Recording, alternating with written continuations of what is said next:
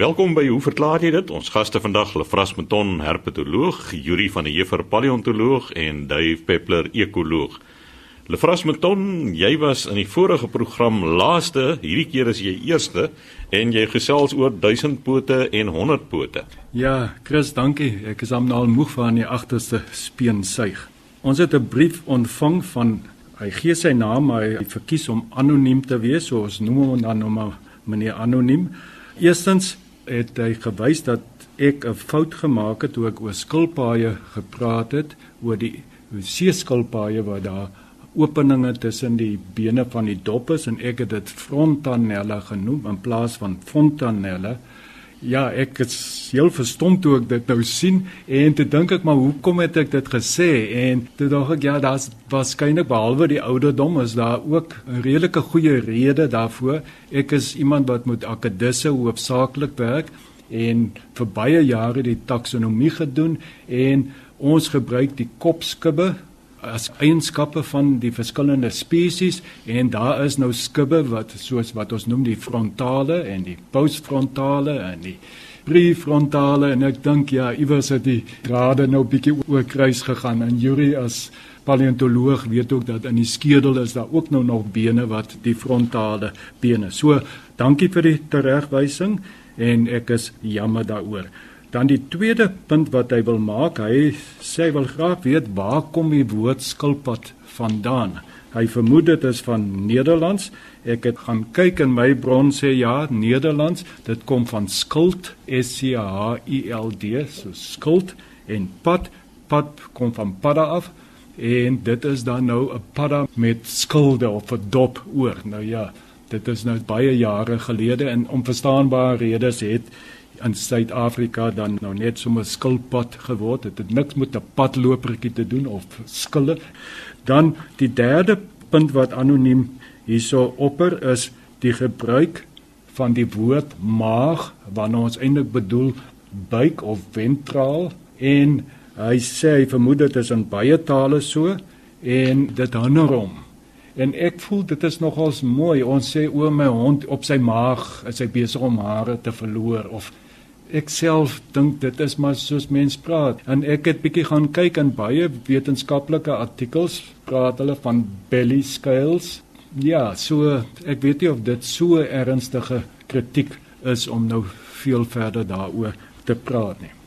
Dis interessant dat jy dit noem maar ons taal is vol van sulke goed. En omdat nou van skilpad praat wat uit die Nederlands uit kom ek dink ek is reg as ek sê dat wat ons 'n gemsbok noem is 'n woord wat uit Nederlands uitkom en dit verwys na die gems. Ook blykbaar 'n bok, nie 'n antiloop nie wat niks te doen het met die gemsbok nie. So ek dink sekere van hierdie woorde is oorspronklik gebruik omdat goed lyk soos ander goed. En die voedsel is net so, dis gelaai met al hierdie terme. Om terug te kom na die maag, ons praat ook van op die rug we sê nie dorsal dit is snaaks wanneer ons oor voels praat dan gebruik ons gewoonlik nie die woord maag of rug eintlik omdat hulle meer regop loop weer bene. Dan die eintlike vraag van anoniem is oor duisendpote. Hy wil weet wat is die verskil tussen 'n duisendpoot en 'n honderdpoot en of duisendpote enigsins iets goed doen in ons tuine? Nou ja ons weet dat die duisendpote en honderdpote behoort tot die groter groep, die arthropoda, die geleedpotiges. Hulle het almal mos hierdie harde, kom ons noem dit nou maar dop, maar dit is 'n exoskelet buite wat natuurlik 'n wonderlike ding is wat hierdie groep hoogs suksesvol maak. Daar's verskillende subgroepe, die Chelicerata, dis nou die spinnekoppe, skorpioene ensovoorts, die Crustacea, die krewe, krappe en so meer en dan die hexapode, dit ken ons, dit is besluit dan nou die insekte in en dan is daar die groep myriapoda en dit bevat die honderdpote en die duisendpote. Poda is natuurlik pote en die myria is 10000. Nou dit suggereer nou hier dat hierdie groepe nou baie pote het, maar eintlik is die name honderdpote en duisendpote is heeltemal verwarrend want die hoogste aantal pote is 750 wat by 1000 poot voorkom, maar die meeste van hulle het maar min pote. So 'n valse aanduiding van die aantal pote. Nou kilopote Dit is nou die 100 pote. Dit is maklik om hulle uit te ken van die 1000 pote. Hulle is redelik afgeplat. Hulle is natuurlik vinnig bewegende predatore. Hulle is hoofsaaklik naglewend. Die liggaam bestaan uit sulke segmente. As jy hulle sien, kan jy baie duidelik die segmente onderskei en op elke segment is daar net een ledemaat aan elke kant. Terwyl by die duisendpote elke segment en ek wil nou daai segment in aanhalingstekens sit want dit is eintlik twee segmente wat met mekaar versmel het. Elke ring van die liggaam, ons sien mos baie keer in die veld so 'n dooie een lê dan sien jy die ringe. Op elkeen van daardie ringe is daar twee beentjies aan elke kant en dit is maar net versmelting van twee segmente. So dit is maklik om hulle uit te ken. Anders as die honderdpote, ek het vergeet om te sê, hulle is natuurlik almal giftig.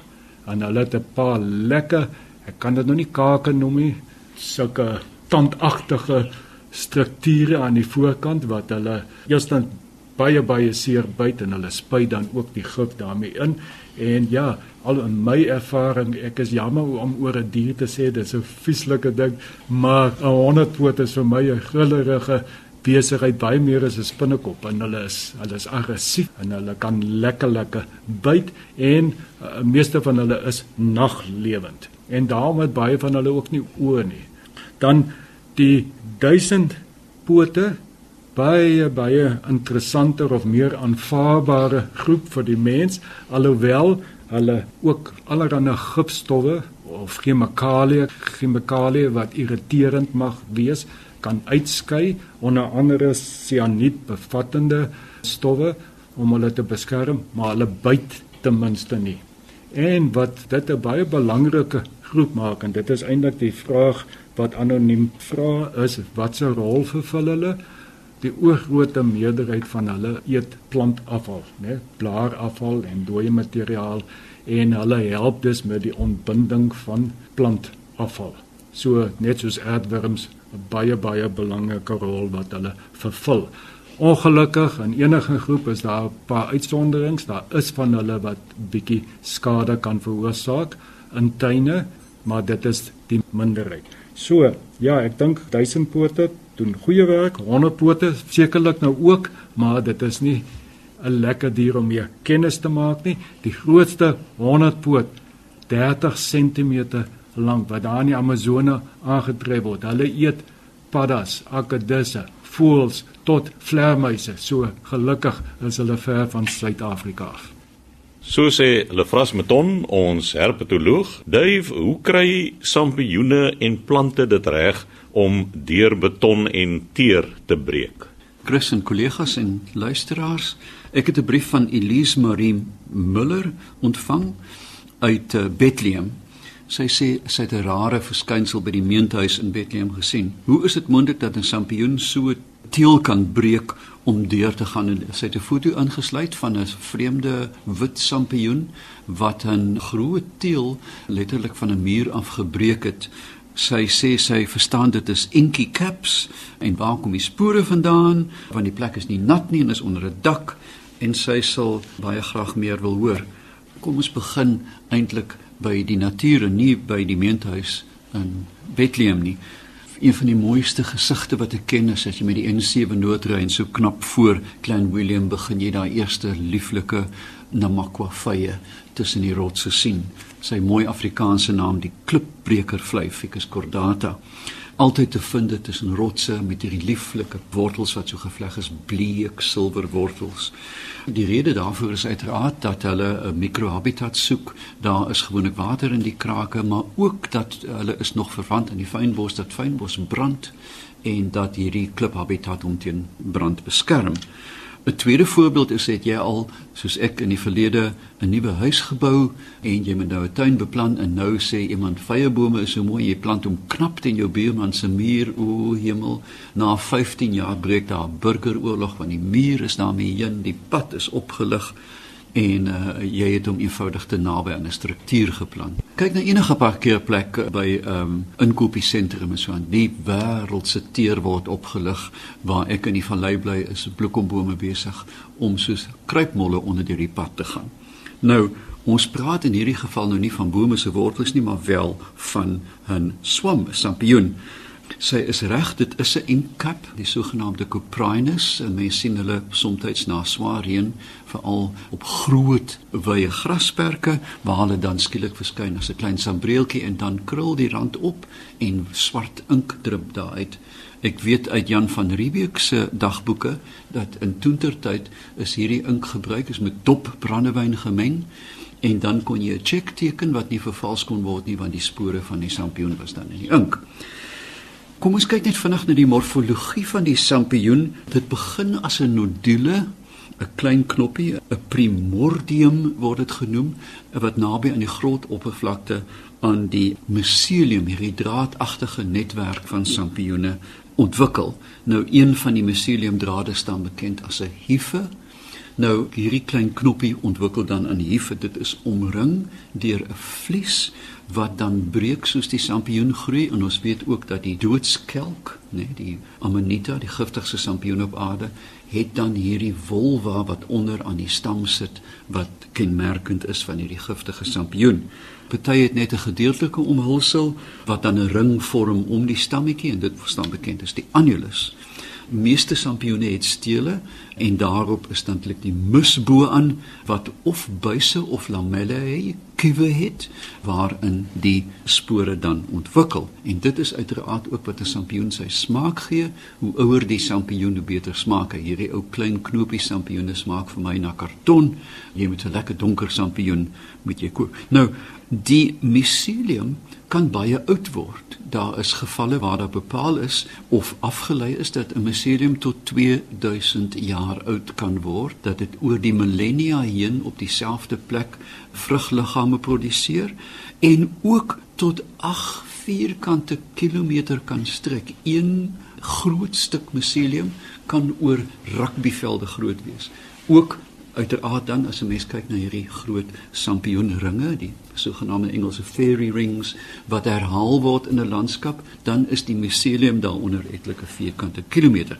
Nou weet ons hoe lyk die sampioen en hoe vinnig hy kan groei, maar dit verklaar glad nie hoekom dit beton of teer kan breek nie. Nou moet ons uitkom by iets wat ek min van weet as ekoloog en dit is natuurlik druk en die eenheid van druk is die pascal en dit geld vir hoofsaaklik vir interne druk. Ons dink aan lugdruk wat gemeet kan word in millimeter kook of wat ook al, maar as jy nou 'n band oplaas, dan praat jy in terme van pascal.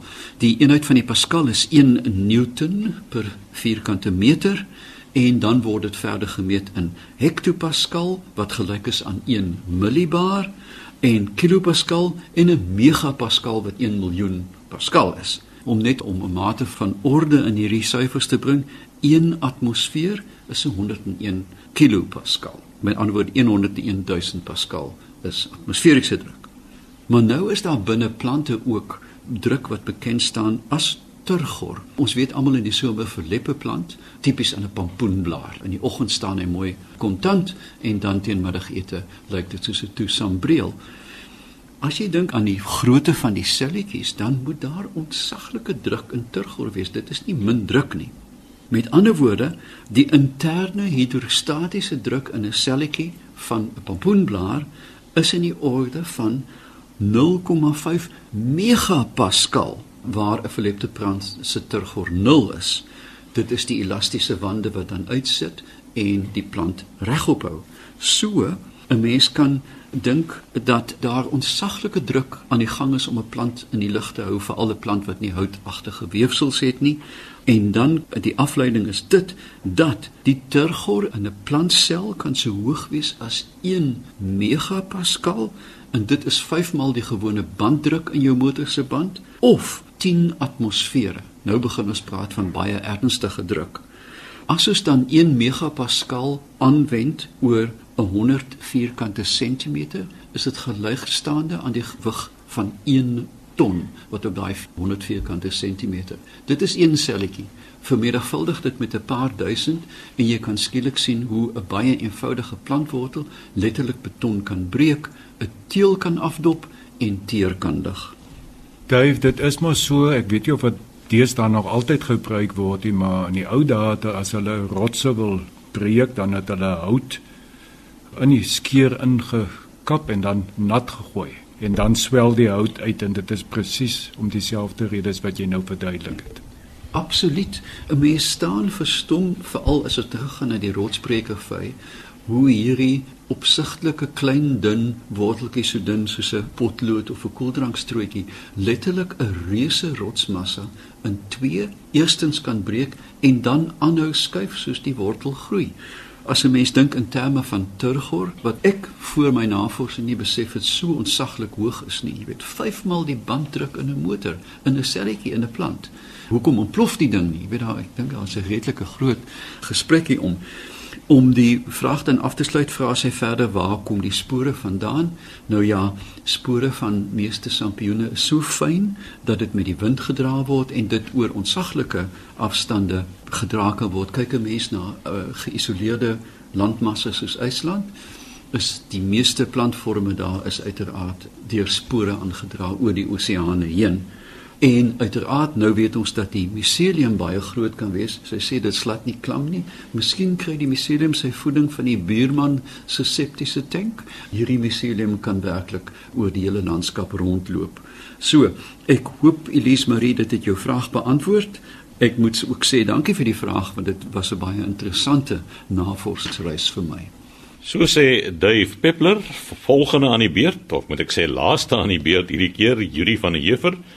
Hoekom verander sommige diere meer as ander tydens die evolusieproses? Chris, 'n vraag van Jeff Rich van Parklands, kort en kragtig. Hier is my vraag. Met die aanloop van evolusie het Homo sapiens gevorder tot die moderne mens. Hoe is dit dat oeroue diere soos die krokodil, kakkerlakke ensovoorts dieselfde gebly het? Groete, Jeff.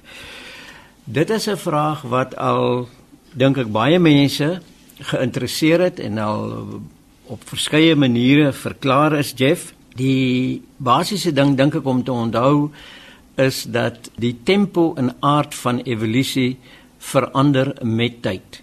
Dit is nie 'n reglynige doelgerigte vordering van een lewensvorm na die ander te nie. Wat jy nou noem hier is kakkerlakke, die het wel baie min verander. Ons weet nie van die fisiologie nie, maar die, die uitwendige vorm toon vir ons dat kakkerlakke van die selfs die Devon periode 400 miljoen jaar gelede en die kakkerlakke van vandag stem baie ooreen. Krokodille egter het baie verander. Die oorspronklike krokodille wat ons gekry het, was baie kleiner geweest en hulle was landdiere en ons het 'n baie mooi voorbeeld hier in Suid-Afrika. Daar van die Kwagasnek pas in uh, Lesotho is daar 'n uh, kleiner gekrokodilletjie beskrywe met die naam van Orthosuchus stormbergi. Orthosuchus beteken regte krokodil. Dit is 'n uh, klein klein diertjie en uh, tyd gelede, 'n hele klomp jare gelede het 'n Britse paleontoloog Diane Nash 'n hele verhandeling oor hierdie krokodilletjie geskryf. En wat sy wel bepaal het is dat ons 'n klein krokodilletjie het, sekerlik nie meer as 'n meter lank nie, korter as 'n meter dink ek, wat nog nie so aangepas was by 'n waterlewe soos moderne krokodille nie. So hier het ons nou vandag se krokodille wat eintlik sekondêr waterlewend geraak het terwyl die oorspronklike krokodilagtiges kleiner landdiere gewees het. Ons weet van die soogdiere vandag dwars oor die wêreld, die ontwikkel uit soogdiereagtige reptiele en dit het in ons eie Karoo oor 'n periode van 50 miljoen jaar weer verander van baie reptielagtige voorvaders na wat ons vandag sien as die soogdiere.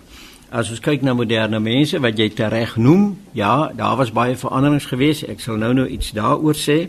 Maar as 'n mens daaraan dink dat die eerste landdiere rondom 350 miljoen jaar gelede, die sogenaamde karboontydperk, op die vaste grond beland het, toe was daar eintlik geen ander landdiere gewees wat ontwikkel het nie. En dit beteken evolusionêr gesien dat daar 'n geweldige potensiaal gewees het om verskillende soorte landdiere te ontwikkel. En dit is toe juis wat gebeur het. Mense kan dit sien dat daar was baie ruimte, daar was plek gewees en ons sien in die evolusie dat daar 'n geweldige diversifikasie plaasgevind het.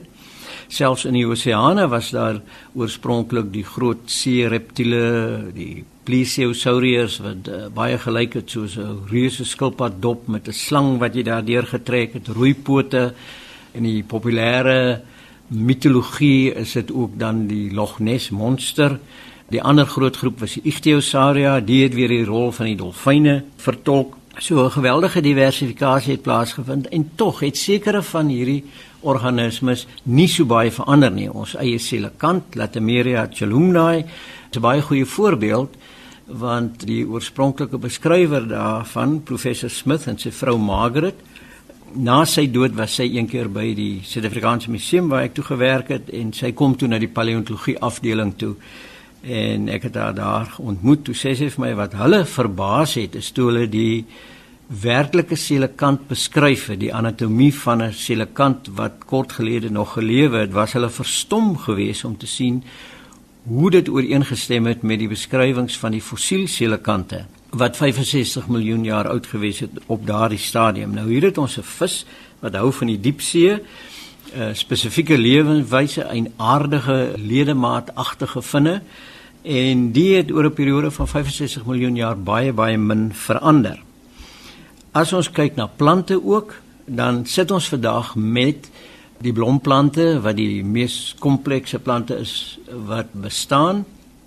Maar ons het nog ook sit ook nog met die sogenaamde gimnosperme wat die dennebome en ander primitiewe plante insluit wat nie uitgesterf het nie en dan het ons nou heel vroeë plante waarvan ons die fossiele het wat baie oud is en hierdie plante lewe vandag ook nog. So as ons dan kyk na bakterieë wat eintlik dink ek miskien die minste verander het van alle ander organismes en bakterieë vorm die grootste biomassa op ons planeet. So ons kan redeneer dat ons eintlik op 'n uh, bakteriese planeet lewe. Hulle is die grootste biomassa en hulle is eintlik in beheer en hulle eet ons. Ons is voedsel vir die bakterieë. Dan kom mense tot die besef dat evolusie nie so reglynig loop nie. Nou Die media het hierdie saak dink ek deur die jare gedryf. Almal is seker bewus van daai ikoniese voorstelling van menslike evolusie wat begin met een van die oeroue aapagtige diertjies en dan deur al die verskillende vorms verloop tot die moderne mens wat dan ewe selfvoldaan met 'n rekenaar onder sy arm die toekoms inloop. Dit is 'n totaal skewe beeld van evolusie evolusie werk nie so eenlynig wat al toenemend liewer meer gespesialiseerde forme aflewer met tyd nie. Ons moet liewer dink aan evolusie as die ontwikkeling, die groei van 'n struik in 'n mens se tuin wat baie takke het, wat baie stammetjies het en waar jy of jy weerlig een takkie afslaan, is daar 'n gat en dan groei daar weer iets in. Dis het ons in evolusie 'n toename eintlik in kompleksiteit nie 'n toename in wat ons altyd gesê het gevorder teenoor primitief nie. Dis twee terme wat ons eintlik nie behoort te gebruik as ons van evolusie praat nie, want hoe gevorderd is ons teenoor 'n lintworm? 'n Lintworm wat 'n fantastiese lewe lei, beskerming het, kry sy kos op sy tyd en al die soort van goed. En tog is dit nie 'n dier wat ons ag ons gelyke is nie. So, ek dink ons moet jou stelling 'n bietjie verander en sê dat dit is nie 'n reglynige proses nie. As 'n organisme aangepas is by 'n omgewing in die algemeen soos bakterieë en daar vind nie groot veranderings plaas nie gaan daar nie 'n dryfveer wees om te verander nie. Ons sien die teenoorgestelde by menslike evolusie. Ongeveer 3 miljoen jaar gelede het jy omtrent 6 verskillende proto-mens tipes in Afrika gehad en net een daarvan het oorleef, Homo sapiens. En 'n mens kan dit koppel aan klimaatsverandering. Ons weet vir die afgelope 10 miljoen jaar was daar groot klimaatsveranderings in Afrika, die woude het minder geraak, die eh, savanna tipe omgewing het meer geraak. So nou het jy 'n totaal ander omgewing waarin uh, organismes leef, al die voorvaders van Homo sapiens en dit plaas alles druk op organismes en hulle reageer verskillend hierop. So wat ons eintlik sien is dat verskillende diere reageer verskillend op omgewingstoestande as jy oor die algemeen aangepas is dat jy in baie verskillende omgewings kan bestaan, dan is dit eintlik nie nodig om te verander nie. Dis soos visse wat die soutgehalte van die see kan weerstaan en ook in varswater lewe. So die urealine visse teenoor visse wat net beperk is, stenoaline tot baie tipiese soutomgewings en hulle sal as die omgewing dan sterk verander daar sal hulle waarskynlik uitsterf of in baie beperkte eh, voorkoms hê. So ek dink Jeff die idee is ons moet die kompleksiteit van evolusie in oënskou neem en nie dink dat dit 'n doelgerigte proses is nie. Julie, jy het eintlik daarna verwys met die oorgang van water na land as 'n voorbeeld.